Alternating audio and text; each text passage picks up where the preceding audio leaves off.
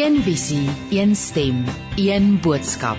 Radiokansel 657 AM en 729 Kaapse Kansel maak impak op lewens van Gauteng tot in die Kaap. Nou, vir oggend gesels ons uit die aard van die saak oor die liefde. Dis Valentynsdag. Ehm um, ek het bietjie uh, gaan kyk en hulle sê die dag is vernoem na vroeë Christelike maar, maar, martelaar Sint Valentyn en is ingestel nadat Paus Galasiërs 1 dit in die jaar 496 as die dag van die heilige Valentyn verklaar het, 'n dag waarop mense hulle liefde aan mekaar verklaar klaar deur. Hulle sê geskenke blommetjies, blomme, kaartjies, sjokolade, wat wat dit ook al is wat vir jou lekker is om te ontvang of te gee. So vandag gesels ons oor die liefde. Ek gaan gesels met uh Rudi predikant Rudi Swanepoel, skrywer Lizet Murray, rubriekskrywer Shanta Heinz Moller en hulle gaan vir ons sê wat die liefde vir hulle beteken. uh, Romanskrywer Tertius Janse van Rensburg gaan meer vertel oor sy nuwe Christelike roman Aurora en dan sluit ons die program af met 'n stilte tyd meditasie deur Melanie Vosloo. Klomp inspirasie vandag hoop sielskos en jy is welkom om saam te gesels. Stuur jou boodskap um, na 082 657 2729. Dit is dan 'n WhatsApp boodskap of stemnota. Maar nou het ons vir Rudy op die lyn. Goeiemôre Rudy. Môre Christine altyd lekker om met jou te gesels Rudy. Jy het altyd sulke heerlike goed om te deel. Ehm um, gaan dit goed hier op die Valentynsdag met jou?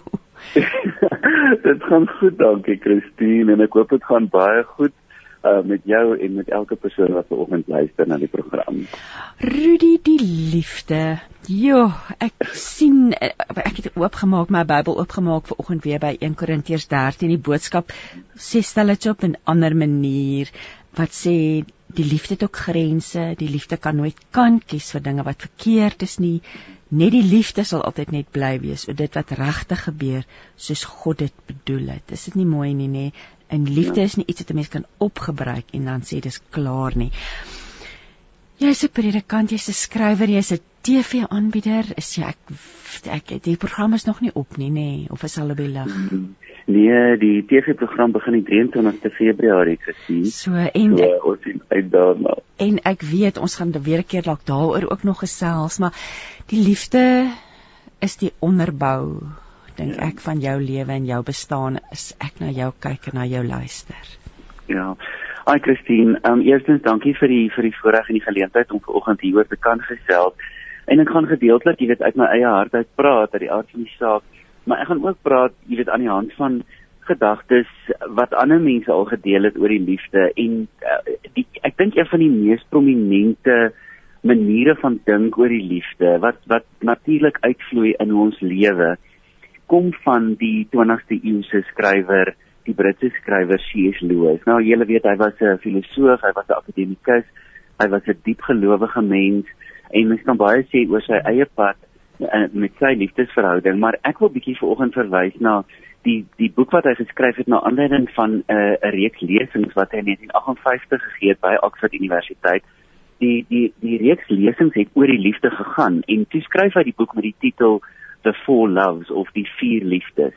En dit is 'n baie goeie manier om bietjie die aard van liefde uitmekaar uit te haal op 'n dag soos hierdie en dit dan in 'n sekere manier in 'n sekere opsig weer aan mekaar te sit ook.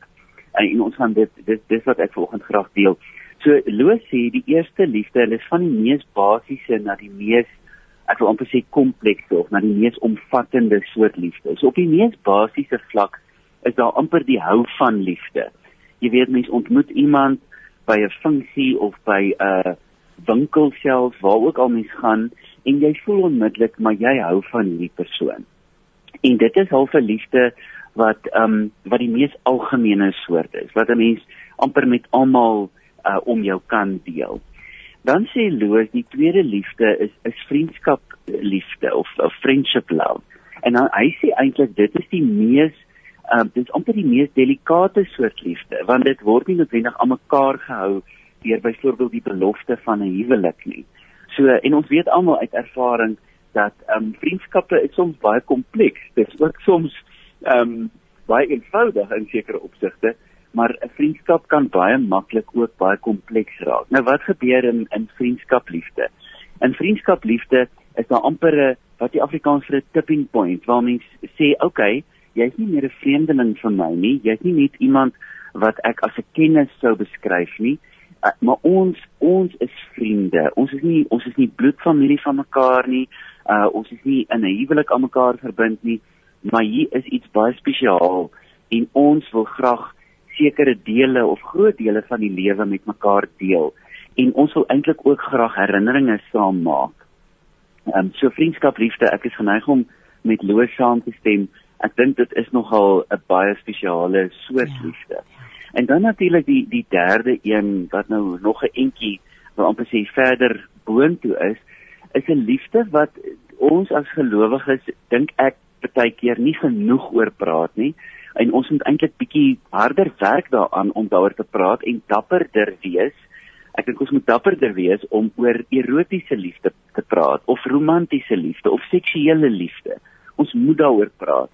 Ehm um, erotiese liefde is net soveel 'n geskenk van God soos wat vriendskap liefde of hierdie algemene ehm um, hou van liefde is.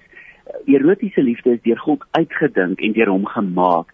En ek gaan nou-nou 'n bietjie praat oor oor Hooglied in die Bybel en oor hoe God self ehm um, hierdie liefde vier ook saam met ons as mense. Nou erotiese liefde is uit die aard van die saak die liefde wat mens met een ander persoon deel.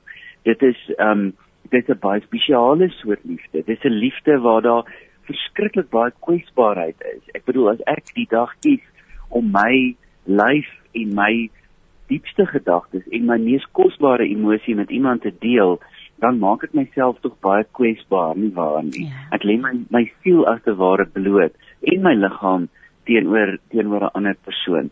So erotiese liefde is die is die derde soort liefde wat Loos beskryf. En dan die vierde liefde is ehm um, is natuurlik goddelike liefde. Ehm um, en is nog genoeg in die boek praat hy van charity. Hy noem dit charity, maar dit is hy bedoel dit in die konteks van 'n totaal omvattende liefde. Dis half die liefde wat mens ervaar as jy by die deur uitstap in die oggend of wat mens behoort te ervaar wanneer jy vir die skepping kyk en sê, "Sjoe, dit is die derde keer dat my rose hierdie jaar of hierdie seisoen blom." Kyk hoe skyn die son na al die reën wat ons hier in die noorde van die land gehad het. Um kyk die wolke, kyk die delikate vorm, vorming van die wolke. Uh, dit is 'n liefde wat insluit die natuur, die hele skepping, al God se skepsels, van die kleinste diertjie tot die grootste dier. Dit sluit almal op die aarde in. Dit is God se omvattende liefde wat nie kan opraak nie. Dit is so mooi vir my gewees toe jy nou in die begin in die inleiding gesê het jy weet liefde kan nie opraak nie. Um, ons is dit is dis vir die wonders van die van die lewe. Dit is 'n absolute daaglikse wonderwerk dat hoe meer liefde ons gee, hoe meer is daar. En dit is omdat in die in die in die finale instansie kom alle liefde kom van God af. En ons word uiteindelik ingenooi om um, in daai goddelike liefde te leef en deur dit te leef en met dit te leef, nie waar nie? Christine, uh, as dit reg is met jou, wil ek sommer oorgaan na Hooglied toe. Dit wat, absoluut, Rudy, dit is Wat ek dink, wat ek dink ons moet 'n bietjie oor Hooglied gesels. Kyk, Hooglied is is mos nou omtrent in die middel van die Bybel, naby aan die aan die Psalms en Spreuke. Maar ek dink Hooglied word nie so baie gelees nie. Um en ek dink ons is 'n bietjie bang vir wat in Hooglied staan. En en en ek wil nou nie praat oor uh, moontlike interpretasies van van Hooglied nie maar in beide die Joodse en die Christelike tradisie jy weet omdat die mense so half bang was om Hooglied te lees as die viering van romantiese liefde tussen twee mense het ons probeer om dit amper 'n bietjie vromer te maak as wat dit is en mense het gesê beide in beide die Joodse en die Christelike tradisie maar dit dit versinne beeld eintlik of dis eintlik 'n allegorie om die liefde tussen God en die mens te beskryf. Nou dit kan sekerlik dit ook wees. Maar alweer is daar eensstemmigheid in mense wat die Bybel bestudeer of onder mense wat die Bybel bestudeer om te sê maar Hooglied gaan regtig oor die liefde tussen twee mense. En dan is daar soveel skoonheid in Hooglied. Ons net eers sê wat wat is wat beteken daai Hooglied? Nou die Engelse vertaling van Hooglied is mos Song of Songs En dit is wat ons sou sê, "Sjoe, ons het gister die moeder van alle storms in Johannesburg gehad." So dit is die die grootste storm, die grootste liefde, die liefde van alle liefdes, die belangrikste van alle liefdes. Dit is wat hooglied beteken. In Afrikaans klink dit so 'n bietjie platterig. Dit klink so 'n bietjie pap. Dit klink of die battery van hierdie liefde bietjie pap is. Maar maar maar hooglied beteken die wonderlikste van die wonderlike dinge op aarde. Dis eintlik hoe dit vertaal moet word. En dit gaan uit en uit. Dit gaan verseker oor romantiese liefde. En Christine, hier's 'n ding wat wat ek en jy kan doen en elke persoon wat vanoggend luister kan dit ook doen. En dit is om die lewe te heilig. Dit is om dit wat die mees alledaagse dit wat lyk soos die mees alledaagse om dit te heilig. En en wat Hooglied doen is om die vleeslike, die die die fisiese aard van liefde, van lywe, van van 'n man se lyf en 'n vrou se lyf om dit te heilig. Gaan lees 'n bietjie. Jy moet en ek moet en en almal wat luister moet weer Hooglied gaan lees. Dit is die mooiste viering van die vleeslike, maar dis ook 'n heiliging van die vleeslike. En dan is daar 'n wonderlike ding wat in Hooglied gebeur. Die die twee stemme, kyk is eintlik 'n dialoog, nê, nee, tussen vier partye. Die eerste party is is sy, sy praat eerste in in Hooglied. En ons moenie dit mis kyk nie. Sy praat eerste. Haar stem word eerste gehoor. Dan praat hy en dan praat die jong vrouens en dan uiteindelik praat die jong mans. So dit sê eintlik ook iets van die gemeenskaplike aard van liefde dat dit iets is wat ons met mekaar in gemeenskap deel, weliswaar in privaatheid, maar dit is iets wat ons as mense in gemeen het, die vermoë om lief te hê en die vermoë om die liefde te kan koester en te kan vier. Ehm um, die, die die die volgende ding wat ons glad nie moet miskyk in Hooglied nie, is die gelykwaardigheid tussen hierdie twee partye.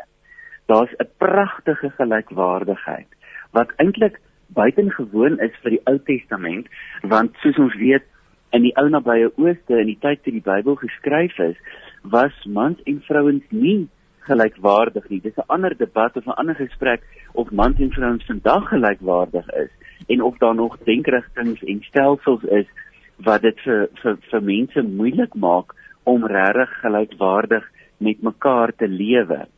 Maar in hooglied is dit duidelik dat dat beide die man en die vrou en die jong vrouens en die jong mans het 'n gelykwaardige stem en hulle almal kan ewe hard praat en eweveel aksie neem om uiting te gee aan um, aan hierdie aan hierdie romantiese liefde tussen hulle. En Christine dan is daar iets wat ons baie keer miskyk in Hooglied, juis omdat ons dit nie gereeld lees nie en omdat ons miskien bietjie bang is om dit te lees. Ek wil net iets sê oor uh oor ons reaksie as ons nou in 2023 Hooglied lees. As ons nou in in, in hierdie tyd waarin ons leef in die stede of weliswaar op die platteland ook maar in die moderne tyd, maar as ons nou daar lees hoe die man vir die vrou sê, jy weet jou tande is so wit soos 'n ry pas geskeurde skape. Dan kan ons dalk nou dink dit is snaaks. Ons lag, ons lees dit ja. altyd as ek dit met jong mense lees dan dan lag hulle en goed. En dit is reg ook so. Maar maar Hooglied wil vir ons sê ek is die die persoon wat praat is so meegevoer deur die liefde dat hulle in die natuur en oral waar hulle om hulle kyk, soek hulle voorbeelde om hierdie intensiteit van liefde te beskryf. Ek wil begin afsluit en sê uh, daar's twee goed wat ons miskyk in Hooglied baie keer. Die een is en dis die laaste gedeelte van Hooglied. Die een is waar die skrywer of skrywers sê die liefde is die sterkste ding op aarde. Dit is so sterk soos vuur. Nou ons almal weet hoe sterk en en vernietigend vuur kan wees. Dit is onkeerbaar in sekere opsigte. Baie keer kan 'n vuur so groot word dat dit dat dit vir mense voel asof hy nie gestuit kan word nie. En die die skrywers van Hooglied sê aan die einde, maar die vuur is die liefde is soos 'n vuur, dis onblusbaar. Dit is een van die sterkste kragte op aarde. En dan die heel laaste ding waarby ek wil uitkom wat ons regtig regtig bietjie meer moet koester dink ek is dat die die die die die hoog die, die hele tema van hooglied word op die einde amper saamgevat in 'n tuinbeeld in die beeld van die tuin jou liefde ons liefde is soos 'n tuin met 'n heining om en ons moet ons moet versigtig wees en ons moet ons moet dit oppas wat daar gebeur. En dan die ding wat ons nie raak sien nie, is dat daai waarskynlik 'n terugverwysing is na die na die aanvanklike verhaal van die skepping, hoe die skepping ontstaan het, hoe die liefde tussen Adam en Eva was aan die begin in hierdie spesiale ruimte met die naam die tuin van Eden. En dan is dit asof die die boek Hooglied vir ons wil sê, maar maar moenie ophou om te werk en moenie ophou om te beskerm sodat daai liefde kan word wat dit bedoel is om te wees nie. Want dit is kosbaar dit is heilig dit is mooi. Um dit is dis dis die moeite werd om om dit op te pas en dit te versorg om dit water te gee om dit te snoei as dit nodig is om gesnoei te word. Uh, pas dit op want dit is kosbaar soos 'n baie mooi tuin Ehm um, my gebed vir ons vandag is regtig dat ons weer met sagte oë na mekaar sal kyk, na mekaar se lywe, na mekaar se harte, nie op 'n op 'n 'n sê op 'n oor oorromantiseerde manier nie, maar op 'n gewone manier, op 'n manier wat vir die ander persoon of persone sê, jy is kosbaar en ons is kosbaar vir mekaar en ek wil jou graag oppas en ek wil hê jy moet my oppas en versorg. Ja, Rudy, Wat 'n inspirasie nê, dat ons 'n slag net joh met nuwe oë kyk. Ek dink ons raak so meegesleur deur die alledaagse van die lewe dat ons vergeet van hierdie liefde nê. En veral hierdie spesiale persone in 'n mens se lewe nê. Ons ja. mekaar regtig wat 'n wat 'n inspirasie. Ja, dit dit lê half op my hart nou. Wil jy nie sommer net vir vir pare bid vandag nie mense wat luister mense wat dalk die vlam van die liefde verloor het um deur moegheid deur whatever wat ook al die lewe vir hulle gebring het. Um ja. wil jy nie vir ons dalk 'n kort gebed net um vir ja, ons vir ons huwelikspare um doen nie asseblief. Met liefde. Here U is die bron van liefde, maar ons kom ver oggend as mense na U toe en ons kom met daai plekke of daai tye of daai geleenthede of daai situasies waar ons voel ons weet nie hoe om die vlam van die liefde weer te laat brand nie. En ons kom met vrymoedigheid en ons sê dit eerlik dat ons weet nie altyd nie. Maar Here, asseblief op hierdie dag as daar 'n vonk oor is, help ons om dit raak te sien, help ons om dit suurstof te gee, help ons om dit lig te gee. Help ons as dit as dit kan, help ons om dit met nuwe oë weer te kyk na ons maat. Help ons met kreatiwiteit help ons om kreatief te wees, nie noodwendig net met rooi rose of met 'n boks sjokolade nie, maar help ons om weer die ander persoon raak te sien en Here help my ook om kwesbaar genoeg te wees dat ek bereid is om gesien te word. Help ons asseblief. Ons bid dit in die sterk naam van Jesus wat kom wys het hoe U liefde lyk. Amen. Amen. Rudy, en ek kan nou nie help nie. Ek het die boodskap hier voor my oop en ek het toe na Hooglied toe geblaai. Ek gaan vir ons 'n kort stukkie lees. Dit is vanaf vers 10, Hooglied 2 vers 10 wat sê: "Staan op my liefste en kom saam met my. Die winter is weg en al die reën is verby. Oral staan die veldblommetjies in bloei en oral begin die voëls sing. Selfs die tortels hoor 'n mens al koer. Die eerste vye is ryp en die eerste trossies hang in die wingerd." Oral is daar net van net die geur van die wingerd en van veld. Kom my liefste, staan gou op en kom saam met my. Jy is soos 'n duifie wat in 'n rotskeer skuil. Laat my gou weer net jou gesiggie sien en jou stemmetjie hoor. Hoe lieflik is die klank van jou stem tog en hoe mooi jou gesig. Vang die klein jakkalsies. Vang hulle gou voor hulle die wingerd van ons liefde verwoes. Jo, dit som so mooi op wat jy ook gesê het, Nerudi. Dat ons daarvoor moet gaan soek in hierdie tuin. Absoluut. En die klein, dit moet my mooi die gesiggie wat skuil. So saam met Rudy moedig ek jou aan, liewe luisteraar. Kom ons steek daai vlam van die liefde vandag aan die brand en verander die wêreld daarmee. Rudy, ek wil net byvoeg jy's van die Andrew Murray gemeente in Johannesburg. Um ja, en en en, en jy jy's eersdaags te sien op 'n program met die naam van Ons vir jou. As ek dit nie mis het nie, nê, nee, dis korrek. Dis reg, dis reg. Dis op Via en daar voer jy baie interessante gesprekke met baie interessante mense. Die liefde is ook 'n ondertoon daar, nê? Nee? Goue drade wat deurloop soontoe. Daar sê dink ek vir ons nou iets 'n pragtige foto van 'n wolkie geplaag plaas hier op WhatsApp wat sê you are all together beautiful my darling there is no flaw in you Song of Songs 4 vers 7. Daar sê Rudy alles seën vir jou. Mag jy regtig oorval wees met liefde vandag. Ehm um, dankie en, en dankie vir jou tyd vanoggend. Ons waardeer jou.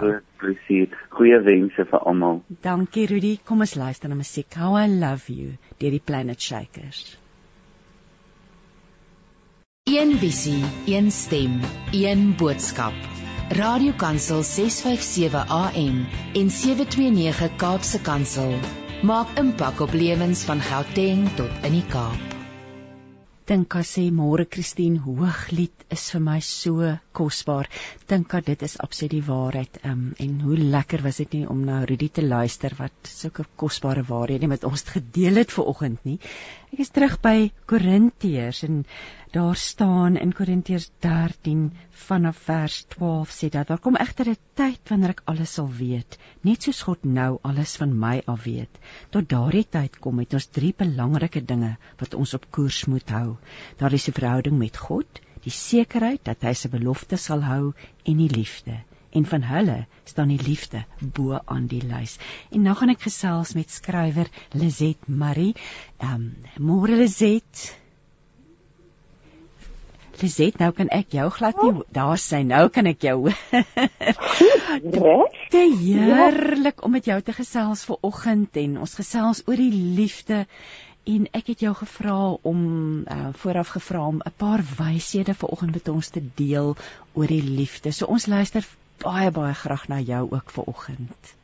Ag, Christine, baie dankie. Dit lê my natuurlik na in die hart, want dit is ons grootste opdrag. So ek gesels graag met julle. Dis Christine, ehm ek dink ek moet begin met 'n storie. En aangesien dit nou die dag van die liefde is, ehm um, daar's 'n pragtige verhaaltjie van die uit die Suidsee eilande. En ehm um, ek het gelees die naam is Johnny Lingo and his eight cow wife. Nou die gebruik was destyds dat jy al die eilandjies is naby mekaar en dan ry jy oor na eiland en dan gaan koop jy vir jou vrou en jy kan trend so 3 4 koeie vir die vrou betaal um, afhangend van hoe sy nou gelyk het en jy weet of sy nou moontlikhede vir jou moet lyk of sy moontlikhede het. En Johnny Lingo ry te oor na hierdie eiland toe. En hierdie hierdie skugter meisie wat wat net bedien en dan sê weer dis net so skade dat jy dan sê weg. En hy roep haar pa toe en hy sê vir haar pa my wil ag koeie vir haar betaal. En almal was so verslae, hulle kan nie glo dat hierdie skugter meisie wat nou nie eers vreeslik aansienlik is nie, ag koeie werd is nie. Maar Johnny Lingo het dit saamgeneem en hulle is nou getroud in in hulle tradisie. En ag nie lank daarna nie, sê net maar 'n paar maande later het daar van die ander eilande ehm um, se mense kom kuier en hulle sien toe hierdie lieflike vrou wat Johnny Lingo het. En ehm um, toe het hulle glad nie besef dis hierdie skugter meisie nie want hy het in haar die moontlikhede gesien. Die um, om 'n wonderlike vrou te wees om uit haar self uit te kom en om die beste te wees wat sy kan wees. En ek dink dit is die diepste wat liefde is as jy onvoorwaardelik iemand net vir wie daardie persoon is erken en dan gaan die mooiste uitkom in daardie persoon. So dit is eintlik waarmee ek wil begin die onvoorwaardelikheid van liefhe. En liefhe is ja. Nee, Lisie, dit is so moeilik. Dit is pragtig. Dit is so pragtig om so daaroor te dink ook weer vandag want ons as mense heg maar baie keer 'n voorwaarde aan die liefde, nê? Nee. Ja. So, dit is ja. die groot groot ding. En iets wat my diep ontroer het wat ek ook nou die dag hoor is dis nou weer op 'n heel ander spektrum is waar Alzheimer pasiënt, sy vrou inkom in die kamer, toe sê sy ek weet nie wie jy is nie, maar ek het jou lief. Oh, mooi. Dit is daai diepste ding. So vir my, ehm um, is die liefde iets wat jou arms laat uitstrek. Dit is nie iets wat vasgryp nie. En ek dink ons westerse samelewing, ons ehm um, kultuur wat ons oral op televisie sien, is vasgryp en verswelg. Ek wil hê, ehm um, jy is myne. Jy weet daai besitlikheid en dit is glad nie wat die wat die liefde is nie. Dit is 'n oorleen, 'n onvoorwaardelike oorleen na 'n ander persoon toe. So in in saam daarmee gaan my die eenvoud van die liefde ek dink ons maak dit te akademies. Jy weet ons ons uh, maak dit dikwels onnodig moeilik. Ons sê ehm um, so bou jy jou man se liefde, hierdie 10 stappe om ehm um, die 10 reëls van liefde en die vele gesigte van liefde. Ons ons ehm um, uh, maak riglyne waar volgens ons die liefde wil leef. En eintlik is dit so spontaan soos God dit eintlik ehm um, vir ons wil hê die liefde woon tussen ons. Hy hy het Christus gestuur en hy woon tussen ons. So ons sien elke dag hoe lyk sy liefde in gesigte van ons medegelowiges. En ons moet dit net doen. So ehm um, ou agters wat wat ehm um, wat groot word in 'n gesin waar daar liefde is. En hoe voorreg is hulle nie.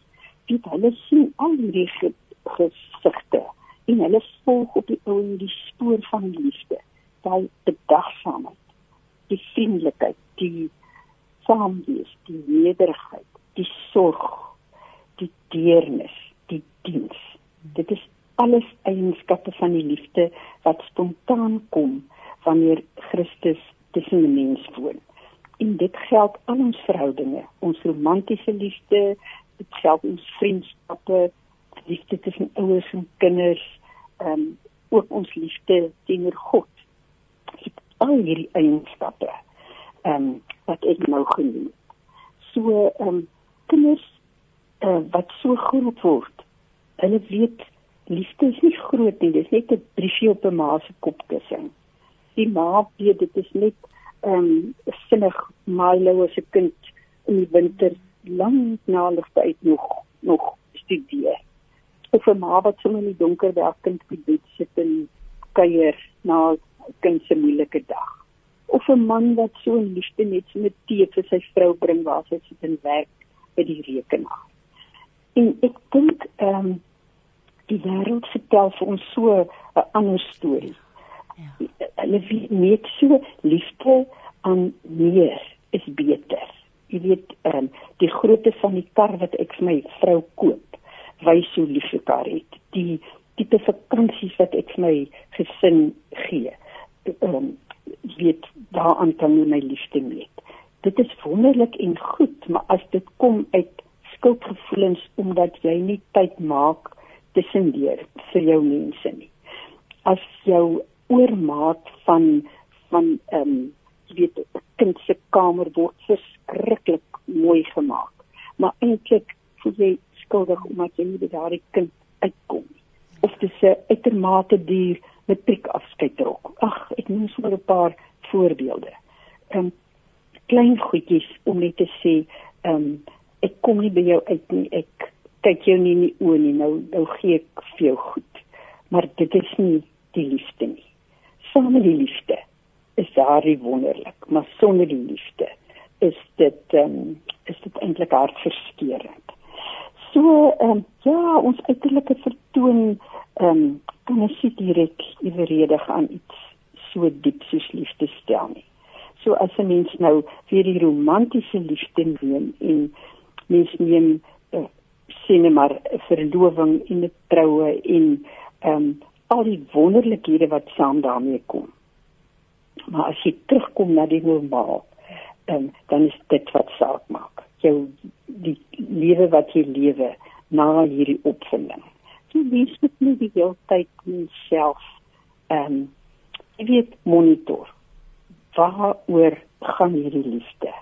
Ehm um, want ons laat ons dit kos deur ons bure en die gemeenskap aan die neus lei dan volg ons nie ons eie hartklop ons eie binneste wat vir ons sê dit is nie soos liefde lyk nie ons probeer eintlik bietjie meedoen aan die ehm um, en maatstawwe wat die buitewêreld vir ons daarso gee.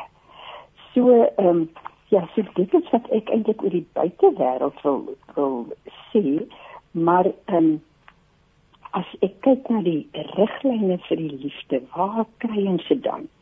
Dan sien ons dit ehm um, dwars deur die Bybel. Hoe ehm um, dit loop sommer net in alles wat 'n mens lees, lees dan kan jy sê wat is die boodskap? God is liefde. Ek onthou my boetie toe hy klein was en, en ons moes luister na my pa se se um, na die huisgodsdiens dan hy altyd na die tyd dan vra hy vir ons en dan vra hy vir hom wat het pappa vanaand gelees dan sê hy God is liefde. so wat die storie ook al was dit was op die ou wat hy onthou het. die belangrikste ding om te onthou, die belangrikste ding om te onthou, nee. ja, eintlik was hy reg.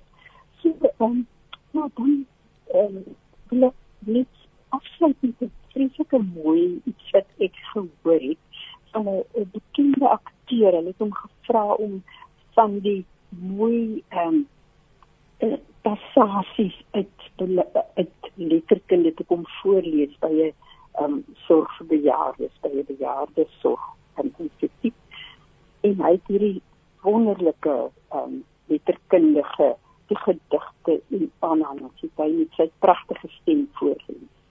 En dis staan daar 'n uh, een van die bejaardes op um, hy is nou al so amper in sy 90s en hy vra toe of hy nie um, 1 Korinte 13 vir hulle sal voordra.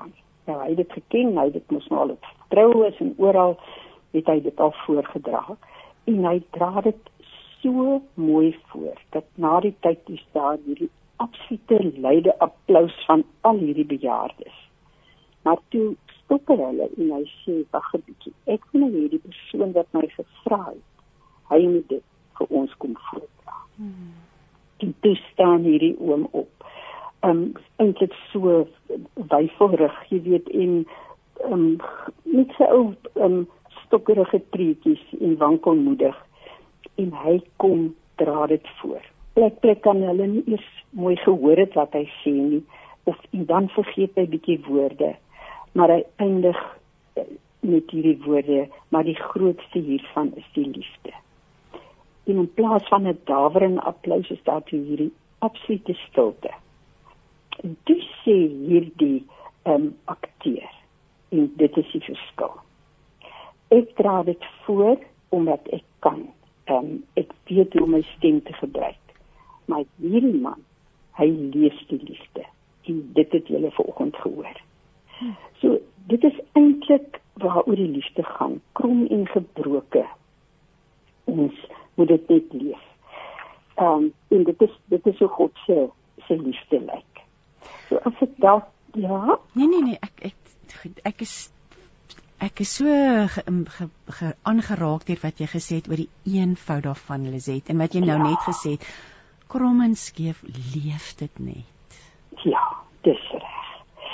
So uh, ja, dat ons wat ons oor die liefde sê of doen dat ons dit met ons hart voordra om nou um, so term te kan gebruik, nê? Nee? Ons leef dit en dra dit met ons harte voor.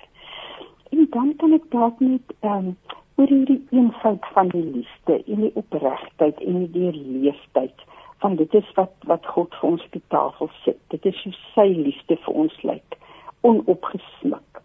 Ehm um, en um, ek wil dan so 'n stukkie van Karina Stander, die skrywer aanhaal.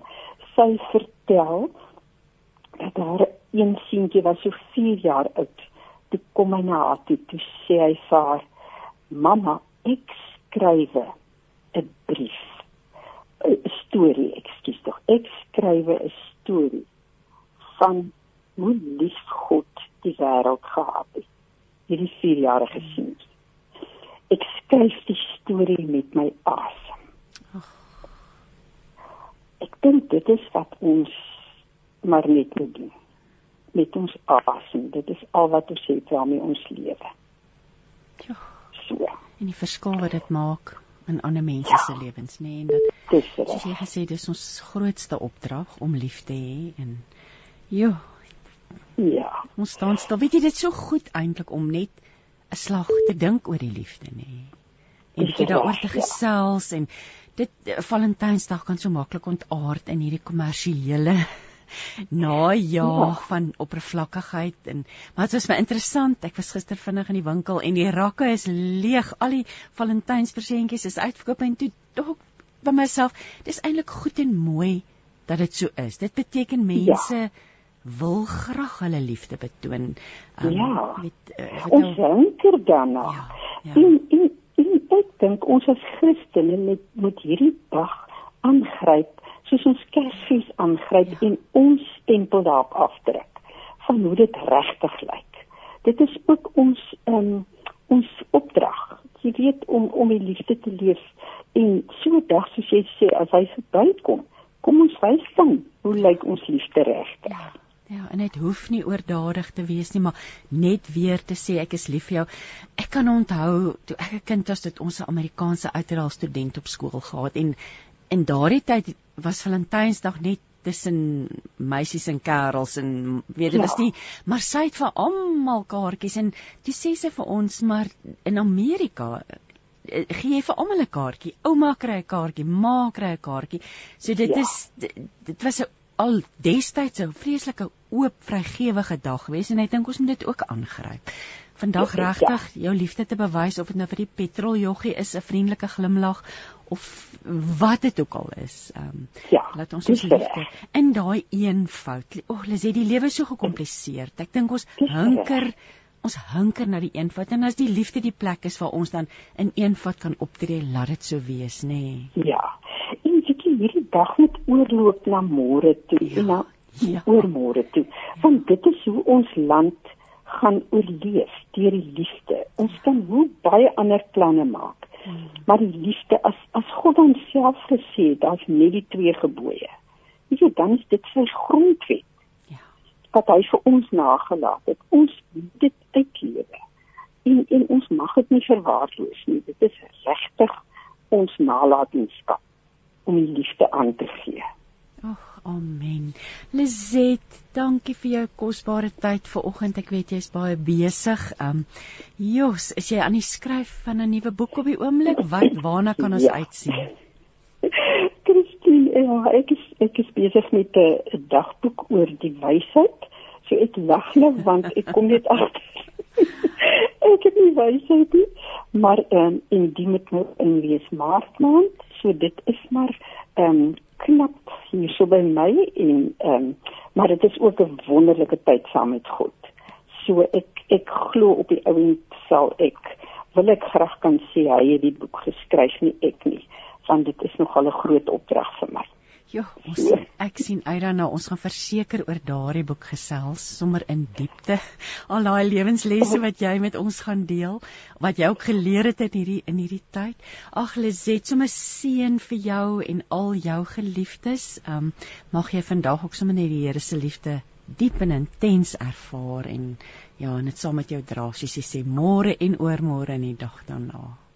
Baie dankie Christine en dieselfde vir jou en jou mense en elke luisteraar, hoor. Dankie Lisette. Man, jy gaan nou nie glo nie, ons het nou net God se liefde gekies nog voordat jy vir ons vertel het van jou ah. boetie. So ons gaan nou luister na Retief Burger wat vir ons gaan sing. God se ah. liefde. Tot sins Lisette. Dankie. Mooi klein dag. Jy is ingeskakel op Radio Kansel 657 AM en 729 Kaapse Kansel. Jy luister na met hart en siel. Ek is Christine Ferreira. Ons vier vandag die dag van die liefde en ek gaan nou gesels met boervrou Karoo vrou, um rubriekskrywer vir Leef met hart en siel, um beminde bekende Shanta Heinz Moller. Um môre Shanta. Môre Christine, jy maak my dag om vandag met jou te kan gesels. Hoe lekker is dit nie? Dit is absoluut heerlik en julle is in die Kaap. Ek jy het vir my gesê julle is op pad Vredendal toe, so ek het nie mis dit nie. Jy gaan iewers ja. aftrek langs die pad om met ja. ons te gesels. Ehm, um, so ek hoop julle is veilig op 'n op 'n lekker ja. mooi plekkie. Shante, die liefde. Jo, wat 'n heerlike onderwerp um, om vandag te vier en oor te gesels. Ja ek wil graag van jou af hoor want dit voel altyd vir my jy kom so met 'n ander invalshoek. Ek weet nie of dit daai vars Karoo lig is, die mooi van die Karoo, maar daar's altyd jy het altyd vir my so 'n vars manier van kyk en wat wat wil wat lê vandag op jou hart om met ons luisteraars te deel oor die liefde? Weet jy, kan ek nou eerlik met jou wees, Christine? Toe jy vir my aanvanklik het ek gedink die liefde, dis 'n woord wat ons verskriklik baie gebruik, maar as mens nou regtig moet gaan sit en en dink wat om te hmm. sê daaroor, bewe my broek verskriklik en voel ek totaal en al ongekwalifiseerd om iets daaroor te sê, want dit is net so 'n groot onderwerp en maar wat vir my berusting gee is die feit dat ons is almal ongekwalifiseerd ja. om daaroor te praat. Ja. Ek dink die speelveld is so gelyk wanneer ons oor hierdie woord praat. Ehm um, dit is 'n woord wat ons baie gebruik en min min leef en min verstaan. So wat ek eintlik net wil sê is um omdat ons almal ongekwalifiseerd is om oor liefde te praat, gaan ek myself nou die ruimte gee om te sê wat ek daarvan dink en hoe dit vir my daagliks um hoe, hoe dit uitspeel by my op die plaas en dan elkeen se seisoen van sy lewe lyk die liefde mos het dit 'n ander aanslag en lyk dit vir jou anders. As jy kinders het, is daai liefde mos 'n aanhoudende onvoorwaardelike taai mossige wonderlike bevredigende ervaring. En as jy ouer word en miskien in die wintertyd van jou lewe staan en jy kan terugkyk op 'n lewe wat vol was en jy kry weer die liefde van dit wat jy gesaai het terug op ander maniere lyk jou liefde weer anders. So die groot ding wat ek dink liefde vir my deesdae lyk hoe lyk dit is is die prentjie van die kruis uh, en ek wil dit fisies sien. Ek wil fisies iets sien wat geanker is en dan met twee arms uit. En as ek dit in my lewe moet terugbring hoe ek dit sien is daai twee arms uit nie iets wat ek oor my bors vou en sê maar wat gaan jy vir my doen nie dit is my arms wat uitsteek wat sê ek omarm jou met jou gebreke. Ek nooi jou in. Ek hou jou vas. Ek vergewe. Ek nooi in konstant is dit 'n inbring? Eerder as um ja 'n gevoel van uh hoe gaan ja ek bedien ander. Eerder as hoe bedien jy my? Want is dit nie maar wat tussen ons en die liefde staan nie, Christine, ja. is die ek, die ja. ekkigheid. Wat kry ek hier uit en hoe hoe is hoe bedien dit my en wat van my en hoe het ek geluk? En ek dink die groot antwoord van liefde, die groot uh wat dit vir ons moeilik maak om te verstaan en te leef is die afgee van die ek die ekkigheid wat so kan oorneem. Waar ons die selfloosheid van wat dit hoe is dit vir jou die beste? Daai ding verleer ons in vandag se leefstyl van selfone en social media en ons wat te kort skiet en die hele boodskap van wat maak jou gelukkig? Nê nee? daai dit gaan oor my en die liefde staan in lyn reg teenoor dit. Dit die twee kan nie saamwerk nie. Hoe hoe ek daaroor voel en dat my gelukkig gemaak is nie die liefde nie. Die liefde sê ek gaan glad nie aan myself dink nie. Ek gaan net aan jou dink en hoe ek jou kan bedien. En in daai bediening van my en my verhouding met God, daar kry ek dan nou my my geluk vandaan. Is dit nie? Abs is dit nie hoe mense Absoluut. Absoluut. En ek ek is ek lees uit Korintiërs 13 in die boodskap en daar sê dit ja eintlik som dit so mooi op wat jy alles gesê het nê nee, wat, wat ja uh, om ander lief te hê beteken om nooit iemand sleg te behandel wat jou irriteer nie ja. dit is 'n massiewe ja. opdrag om Massieve. altyd alle mense so te hanteer dat hulle graag by jou wil wees sonder om bang te wees dat jy hulle sal sleg behandel. En ehm um, ja, of of of om ander mense dit wat hulle kry het of kry te gun sonder om lelik te wees. Uh, om nie heeltyd oor jouself te praat en te spog nie ja. of heeltyd te maak jy's ja. beter as ander nie. Om nie ongeskik te wees nie. Jy weet jy dit is eintlik interessant hoe dit afge gedistilleer word tot die basiese goed hoe ons ander mense behandel. En jy's heeltemal ja. reg as jy sê ons Lizet Marie het voor jou gesels en sy het gepraat van dis nie net ontvang nie. Nee, en jy kom, nee. jy herinner ons nou weer die oop arms van die kruis, nê? Nee? Die gee na buitentoe. Ja. Is eh, is dit iets wat eintlik makliker kom dink jy in 'n gemeenskap soos julle sin waar mense baie meer staat maak op mekaar afhanklik is van van van van die weer en van omstandighede buite julle beheer dink jy dis dink jy daar's meer gasvry daar's meer ja, liefde ja ja ja ja absoluut absoluut stem ek met jou saam. Dit is dis maar deel van die DNA van die grond en van die hmm. ehm um, van die gebied om te sê ek nooi jou in en ek ek um, ek bedien jou met gasvryheid en met dit wat ek het. Al is dit min op hierdie tafel nou is mhm. dit wat ek met jou deel. Want jy kom van ver en jy is moeg en honger en warm.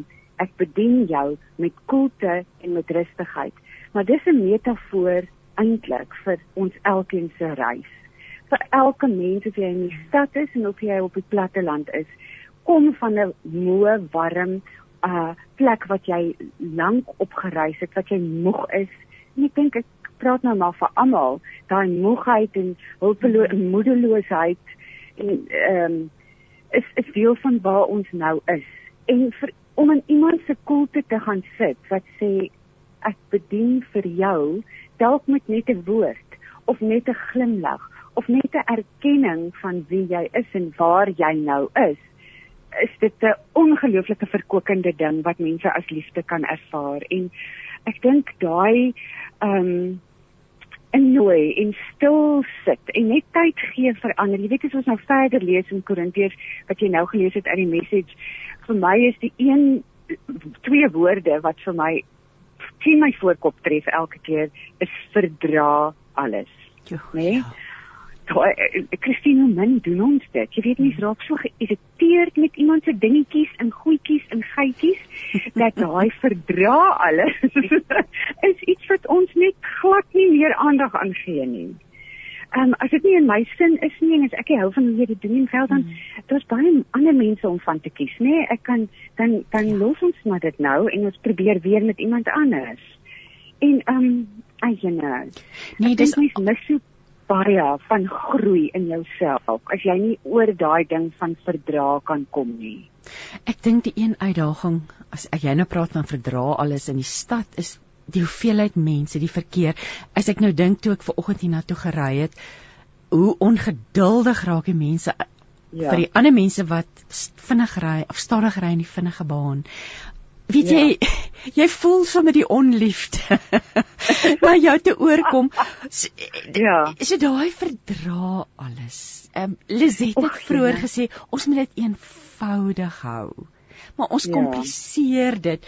Jo, ehm um, so, Linda sê nou vir ons goeiemôre geliefdes van die Here. Ons lees in Mega 3 um, wat sê daar kom die Here uit sy woonplek uit en daal af in die aarde toe waar hy oor die berg hoogste bergtoppe loop en onder hom smelt die berge weg en die valleie skeur oop soos wat hy by die soos was soos wat by soos was mag skuis tog by die hitte van 'n vuur soos water ja. teen 'n skynste afloop so sal hy ook die seer in die hart seer in ons stikkende harte wat veroorsaak is deur woorde en dade laat wegsmelt deur die liefde van Jesus wat vir ons aan die kruis die prys betaal het. Shalom en Jesus liefde van Linda of wat 'n pragtige boodskap is dit nie nê as ons is dit nie wonderlik nie?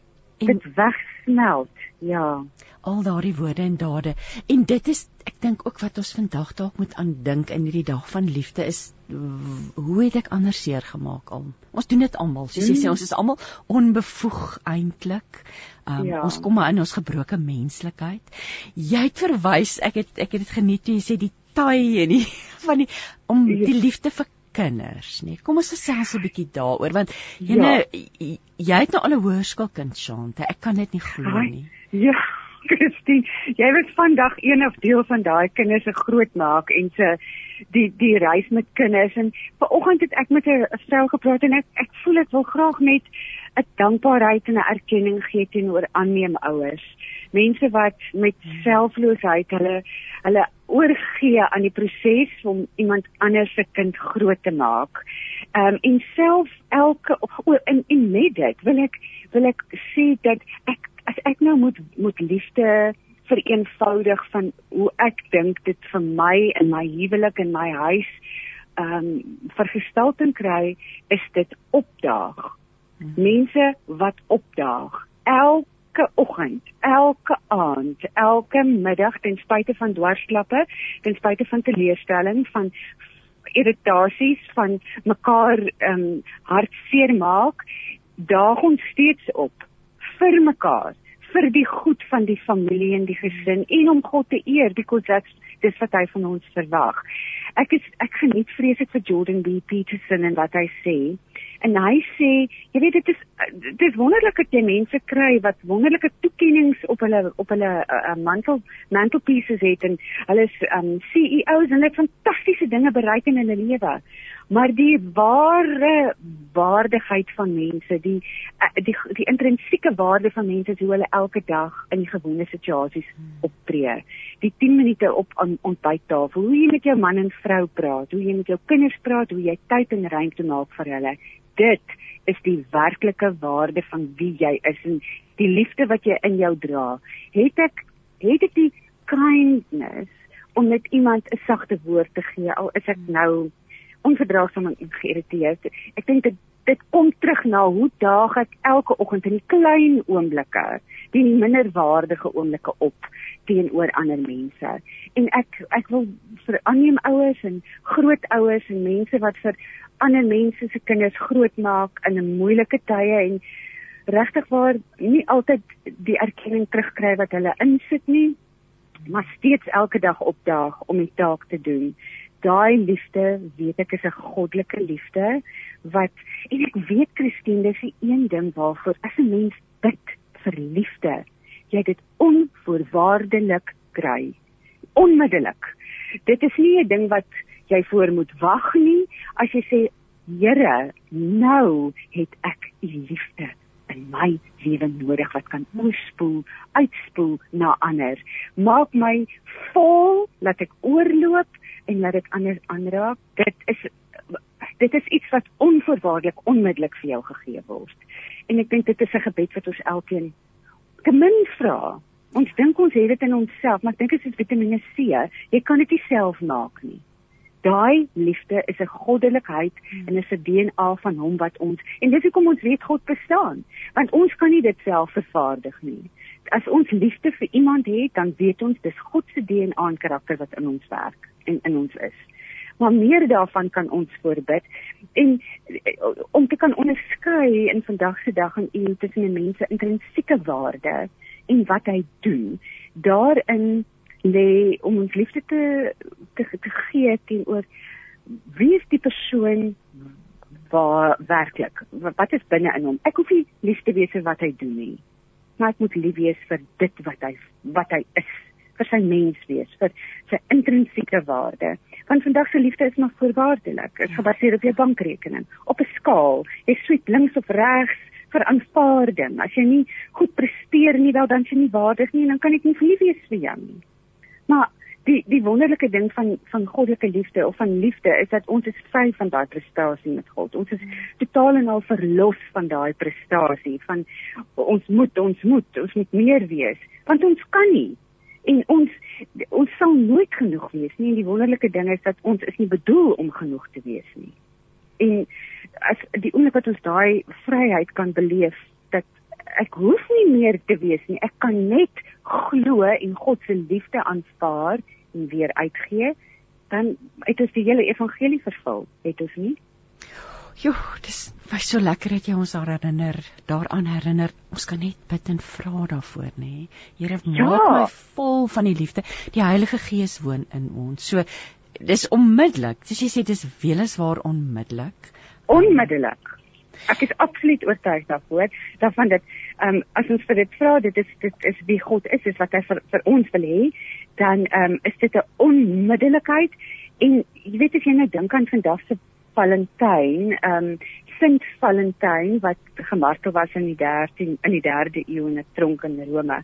Ehm um, en en nie geweet het ons weet nog steeds nie eintlik wat die volle storie is nie maar uh, ons weet nie dat ons tekort skiet en ons weet nie dat almal om ons tekort skiet en en wonderlik Christine het ons nie verwagtinge meer hoef te koester vir onsself en vir ander nie kan jy dink as daai stuk wegval daai stuk verwagting en van ag jene wanneer gaan hy tog nou wees wie ek wil hê hy moet wees of my hmm. kind word wat ek wil hê hy moet word en daai vryheid van mekaar geniet en lief hê vir wie ons is.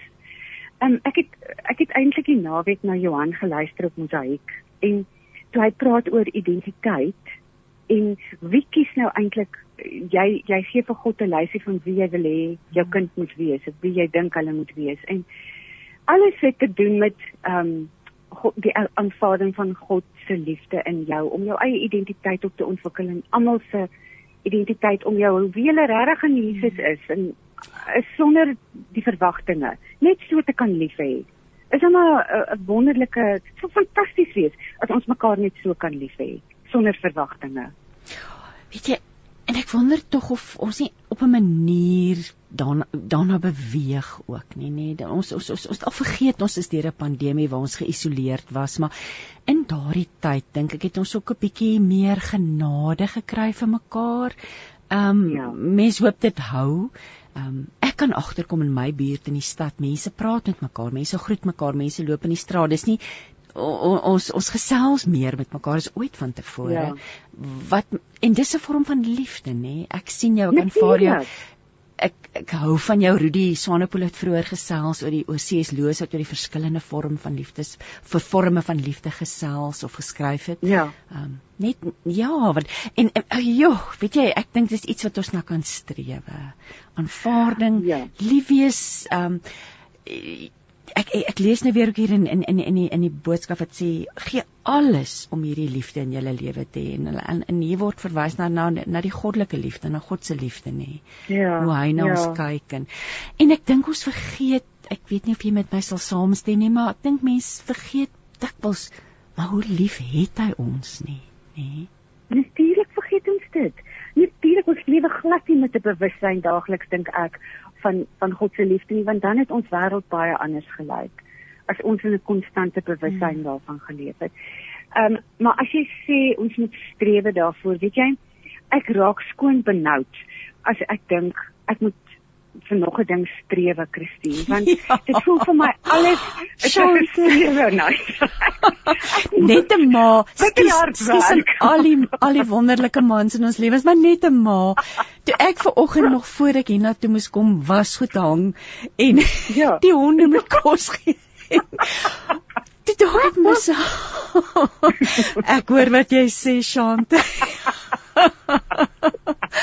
ja, want mense lys is baie lank en jy moet ja. verskriklik baie dinge doen en by goed uitkom dat ek ek raak baie keer so moedeloos in my eie um onvolmaaktheid en dit ek niks actually kan regkry nie dan dink ek ag weet jy wat ek gee sommer op want ek ek het al wat ek bewus is van is is dat ek genade nodig het maar nou is ek op 'n plek net Christine waar ek nou gedink het ek gaan nie meer myself meet aan die groot goed nie. Ek gaan nou nie hmm. dink wat se hoe amazing het ek lief in die wêreld verander nie. Ek gaan met 'n ek weet al hoe ek lief het nê in my eenvoudige manier. Is as ek byvoorbeeld sien Jan sit op die trekker en ek is nie vreeslike iemand wat wys ek is ek ek is nie daai tasbare drukkie stielie ding nie maar ek wys ek is lief vir hom as ek sien hy's op die trekker warm buite dat ek vir hom 'n yskoue glas Ouras ja. met baie ysvat ja.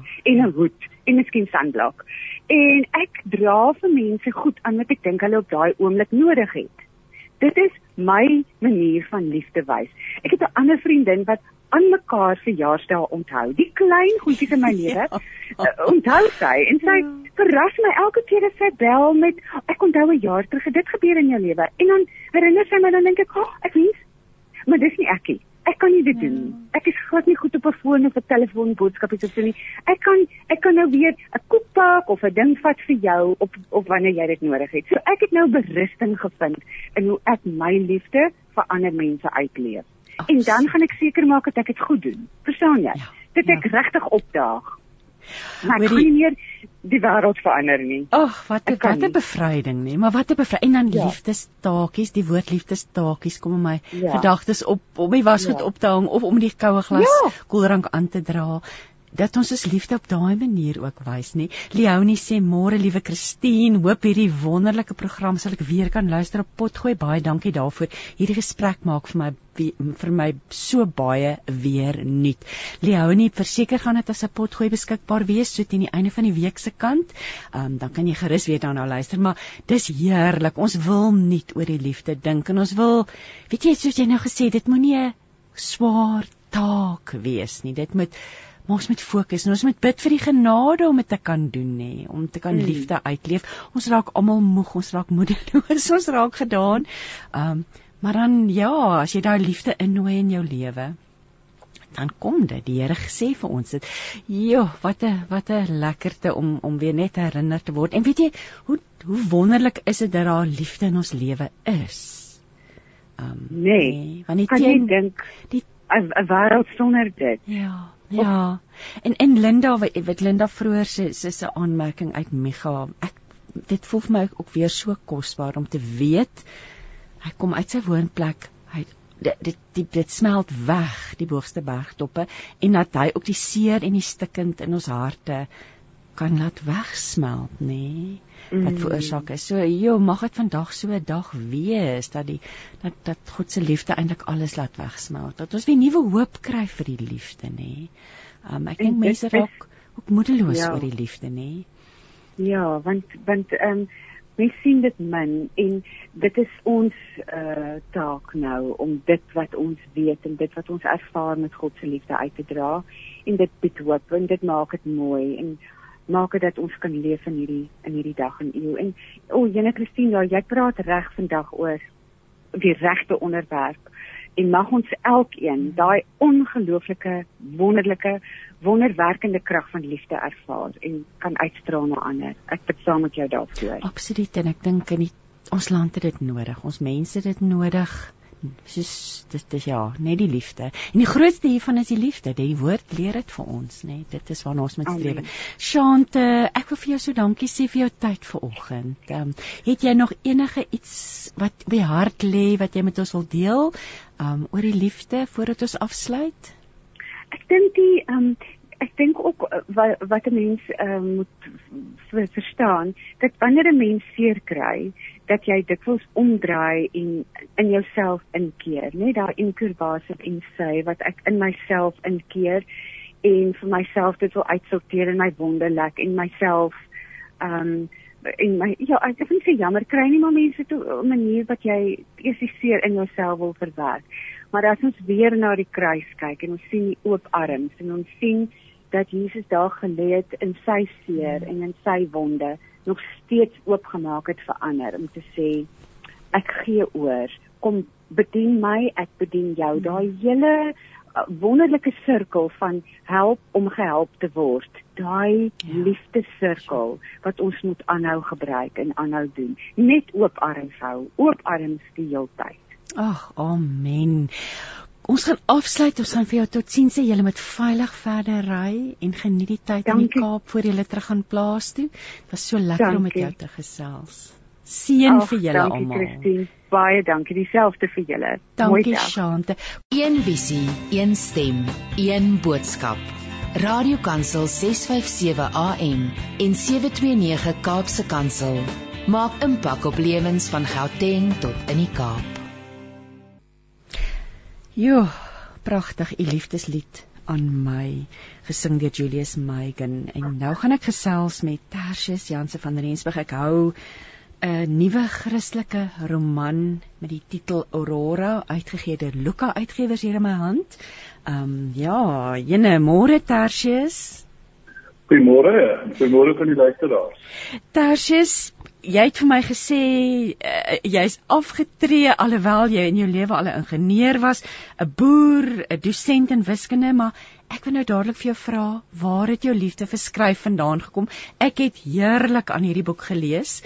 Um was dit was my mooi, jy skryf pragtig, maar nou wil ek weet, waar waar kan waar kom hierdie liefde vir skryf vandaan? Eh, dit is nou 'n storie ek het nooit gedink ek kan skryf nie. Uh alhoewel ek in 'n redelike en 'n goeie en 'n kreatiewe uh, gesin groot geword het.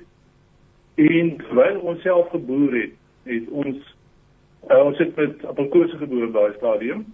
En toe kry ons die vreeslike halstorm wat ons hele oes weggeslaan het. En en dit maak ou nogal redelik redelik nederig en hartseer en en, en bekommerd. En toe om die die verlies te probeer uh, beter maak, het ons tematies geplan. Maar heeltyd het hierdie haalstorm en die die effek daarvan op ons lewens het, het in my in my gedagtes gebly. En terwyl ons tematies geoes het, het, moes ek dit in die aande na die rein by die mark toe hier in Port Elizabeth.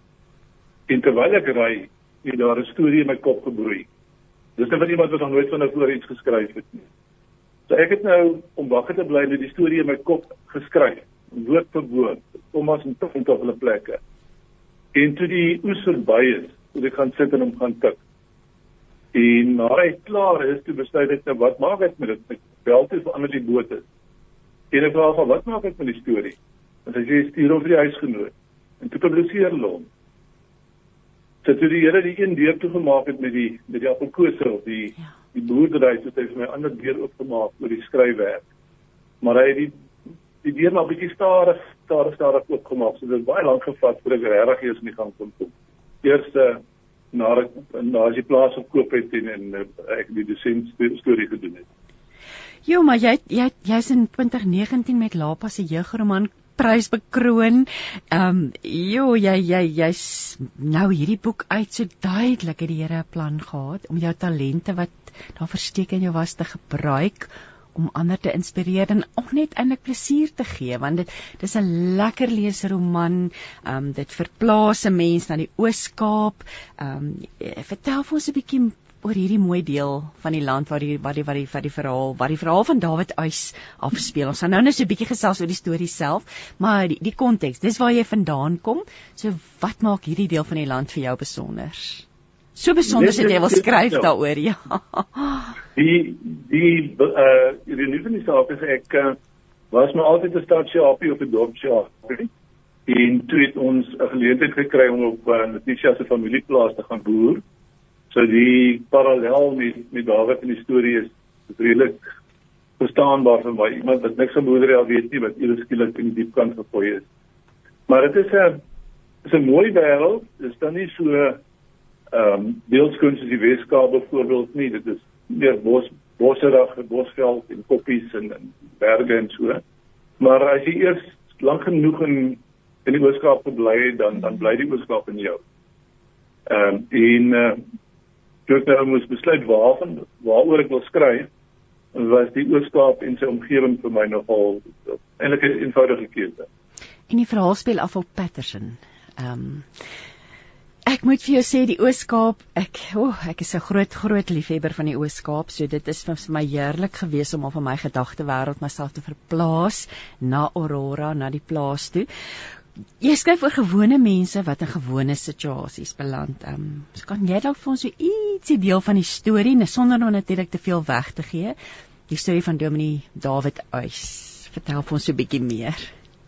Goed, Dominee David Eis is 'n jong ongetroude predikant wat op Patterson is. Inteendeel hy het 'n beurs gekry op die voorwaarde dat hy predikant sou word op Patterson.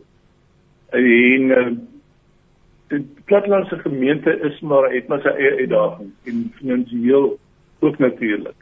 En toe kry hy 'n oproep van 'n prokureur wat uh, vir hom sê maar jy het 'n plaas geërf van een van die gemeentelede wat oorlede is en daar is 'n redelike streng voorwaarde. Jy moet vir 365 dae boer op die plaas.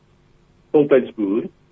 En uh, as jy dit kan regkry, dan erf jy die plaas. As jy dit nie regkry nie, dan erf die die werkers op die plaas, die arbeiders uh, en ook die kerk om die helfte uh op die plaas.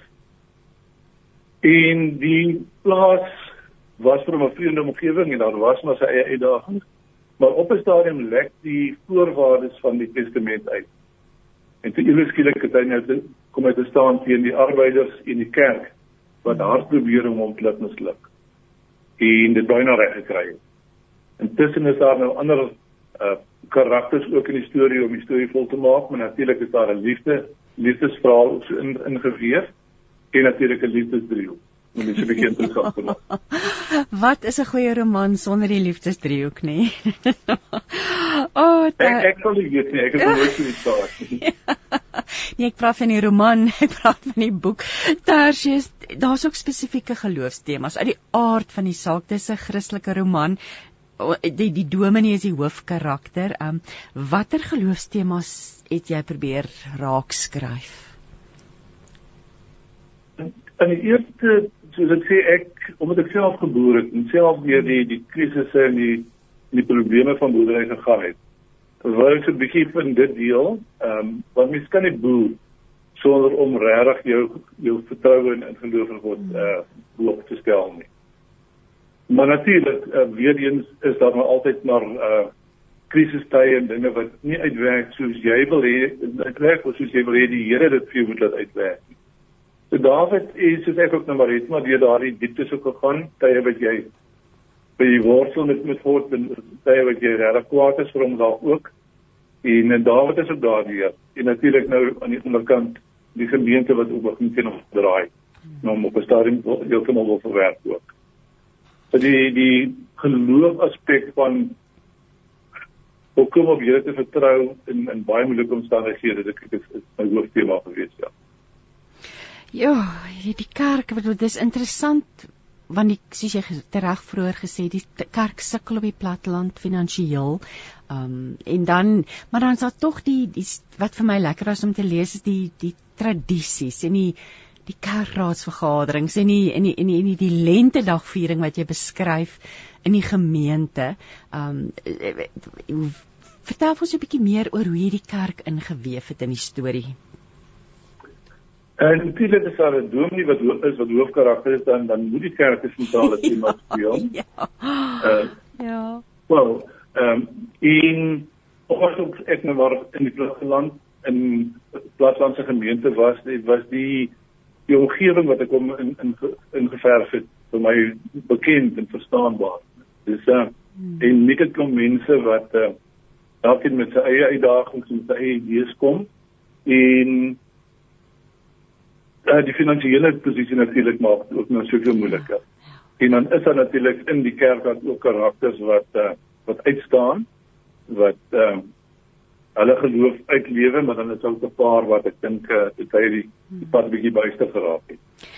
Dit is my mooi ook ek ek het nou by die, dit oop hier by 'n stukkie wat sê dit is nou ehm um, sy sê dit dit voel vir my asof God en die duiwel 'n komplot teen my gevorm het of hulle wil seker maak dat ek nie die jaar sal kan uithou nie amper soos met Job met die sere ook antwoord en kyk na sy verbrande hande. As God dan nie wou hê dat ek Aurora moes erf nie, hoekom het Imbola dit dan vir my gegee? Hoekom het hy dit nie sommer direk vir hulle gegee nie? Was dit nodig dat dan dat ek dan vir 'n jaar hier kom boer en so moet sukkel? Het jy al vir God gesê hoe jy voel? Sy kom agter my staan en probeer die spanning uit die stywe skouers wegvryf. Die laaste tyd praat ons nie eintlik met mekaar nie, Bigai. Of liewer, dit voel of hy nie meer belangstel in wat ek te sê het nie. En nou praat jy nie meer nie. Ja, soort van. En wanneer laas jy God gelowige geprys omdat hy so groot en so goed is? Hy stap om en stap staan op en draai om, dan druk hy sy voorkop teen hare, heeltemal te lank laas kan ons dit saam doen. Jos, dis my mooi ook hoe sy eie stryd uitkom, die eerlikheid, sy opregtheid by die kante is nie volmaak nie, nê. So die leser identifiseer definitief met die karakter dink ek. Eintlik met die meeste van die karakters. Ja, ek is bly hierin so en ek hoop uh, elke leser wat die boek optel gaan ook so weer so ehm uh, ervaar en dat hy sy eie lewe sy eie krisis ook dan kan vergelyk met met met Dominee Dawid se ja. Ervarings ja. Sy swaarke en dan in die boek natuurlik 'n lekker verrassende einde, 'n onvoorspelbare einde, ehm um, wat heerlik is. Ehm um, so ek ja, jene en ek wil net aan ons luisteraars noem dat die boek ook nou te koop is boekwinkels landwyd maar ook by Radio Kansel se e-companion ons boekwinkel op die webwerf. So as jy nou geluister het en jy's lus vir hierdie lekker storie as 'n mens dit so kan noem Aurora Tertius Jansen van Rensburg is die skrywer Luka die uitgewers kan jy gerus gaan kyk op ons webwerf. Um Tertius hierdie skryfgogga wat wat nou so sterk uh, kom buite dan jou is daar enige ander boeke in die vooruitsig op die oomblik? Uh ja, ek is 'n baie stadige skrywer. So die die gedagtes broei langer in my kop as wat dit vat om te skryf. En en as ek dan dit is amper soos die die die storie vir die huisgenoot wat ek geskryf het terwyl ek uh, tematies gery het. het. Ja. So ek die storie dan nou redelik agter my kop het, maar nou soos met enige storie, as jy begin skryf, dan eindig jy op op afdraai paadjies waar jy nie gedink het jy wil wees of gaan wees nie, want die karakters het 'n karakter van hulle eie.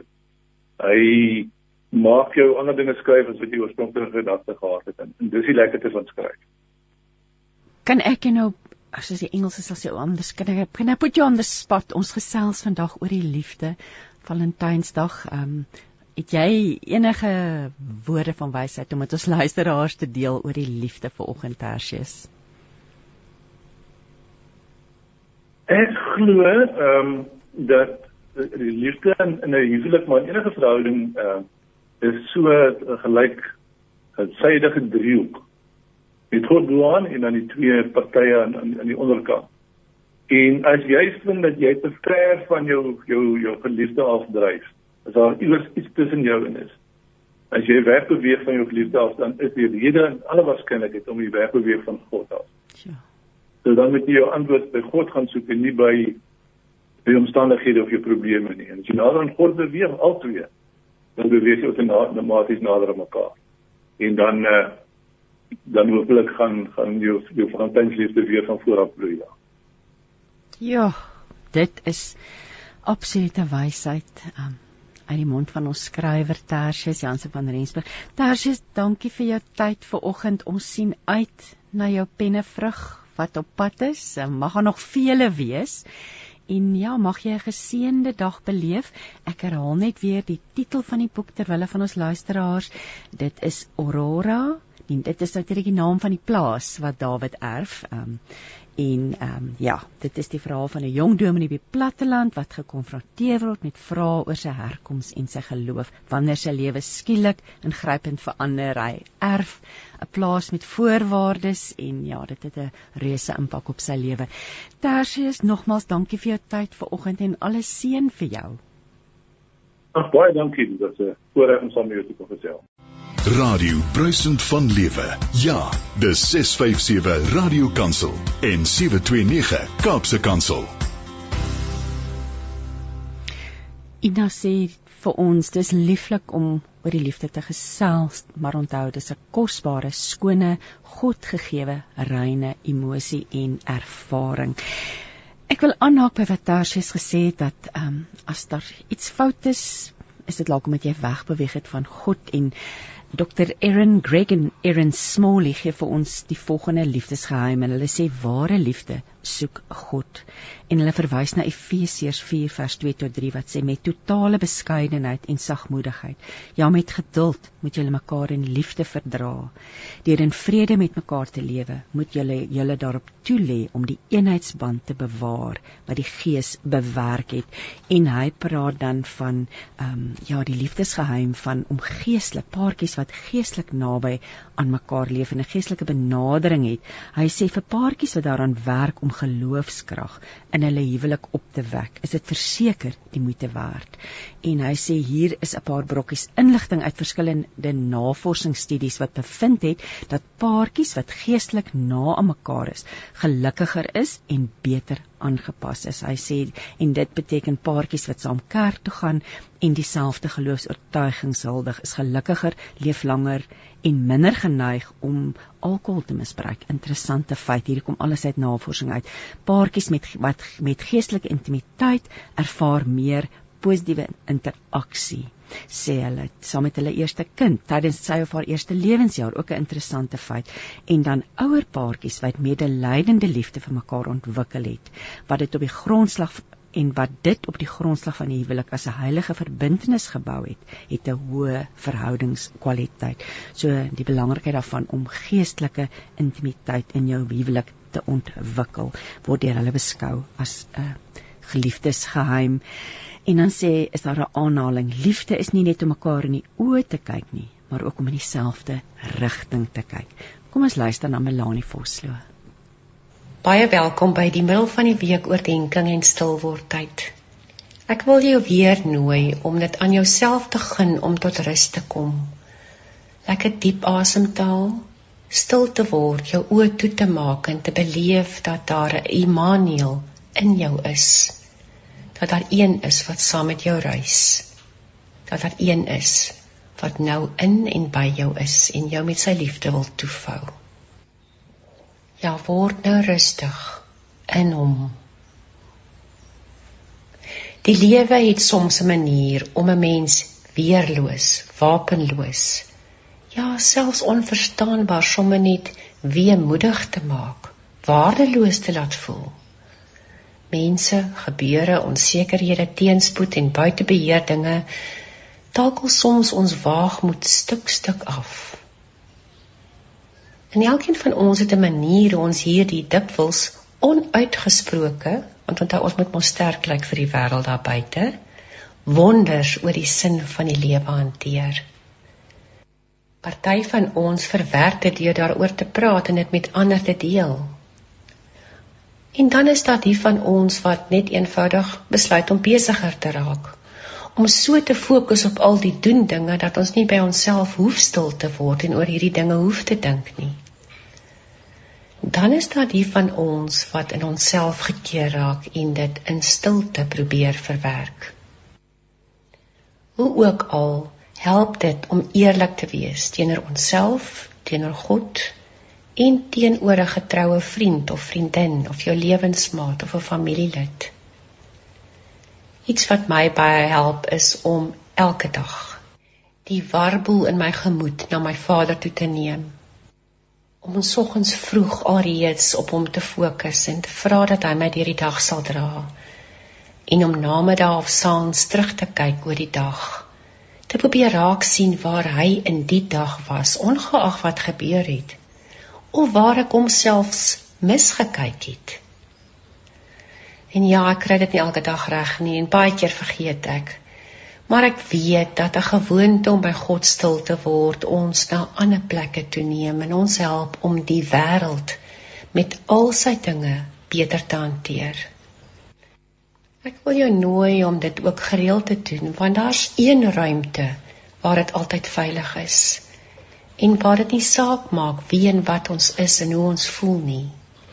Daar's iemand wat vir ons liefhet, net soos wat ons is, met alles in en om ons. Kom ek en jy bid sommer op hierdie oomblik vir hom. Jesus, U wat mens geword het, regte mens wat al die emosies wat ek nou in my het, ervaar het. U wat so dikwels U self afgesonder het en in stilte met u Vader gesels het. Dankie. Dankie dat ek ook met u kan praat oor my gewone en eenvoudige menswees dinge.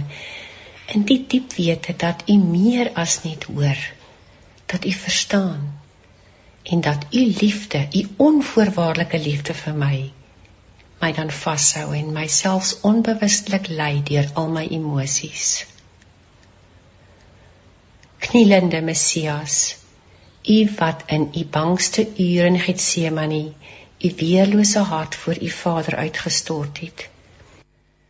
Dankie dat ek ook in my verwesenheid, in my weerloosheid voor u kan kniel en dat u my dan saggies troos, my weer help om op te staan en dan die lewe met dapperheid te hanteer.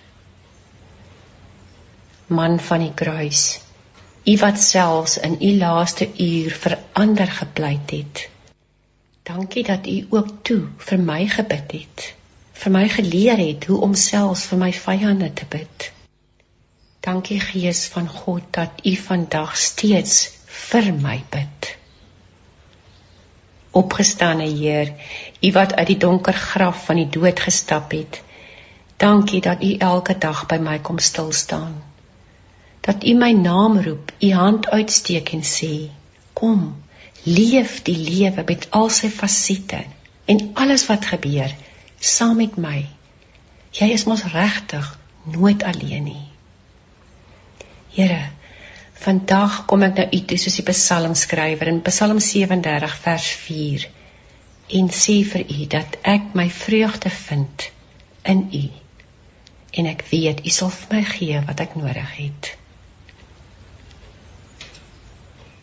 Liewe vriend of vriendin, mag ek en jy elke dag knielend voor die mens, die God gaan staan wat ons ken met alles wat in en om ons is en weet dis veilig by hom. Veilig by die een wat ons in die holte van sy hart vashou, beskerm en dra. Ek bid jou toe vrede. Vrede in die een wat jou ken en jou vashou, ook vandag.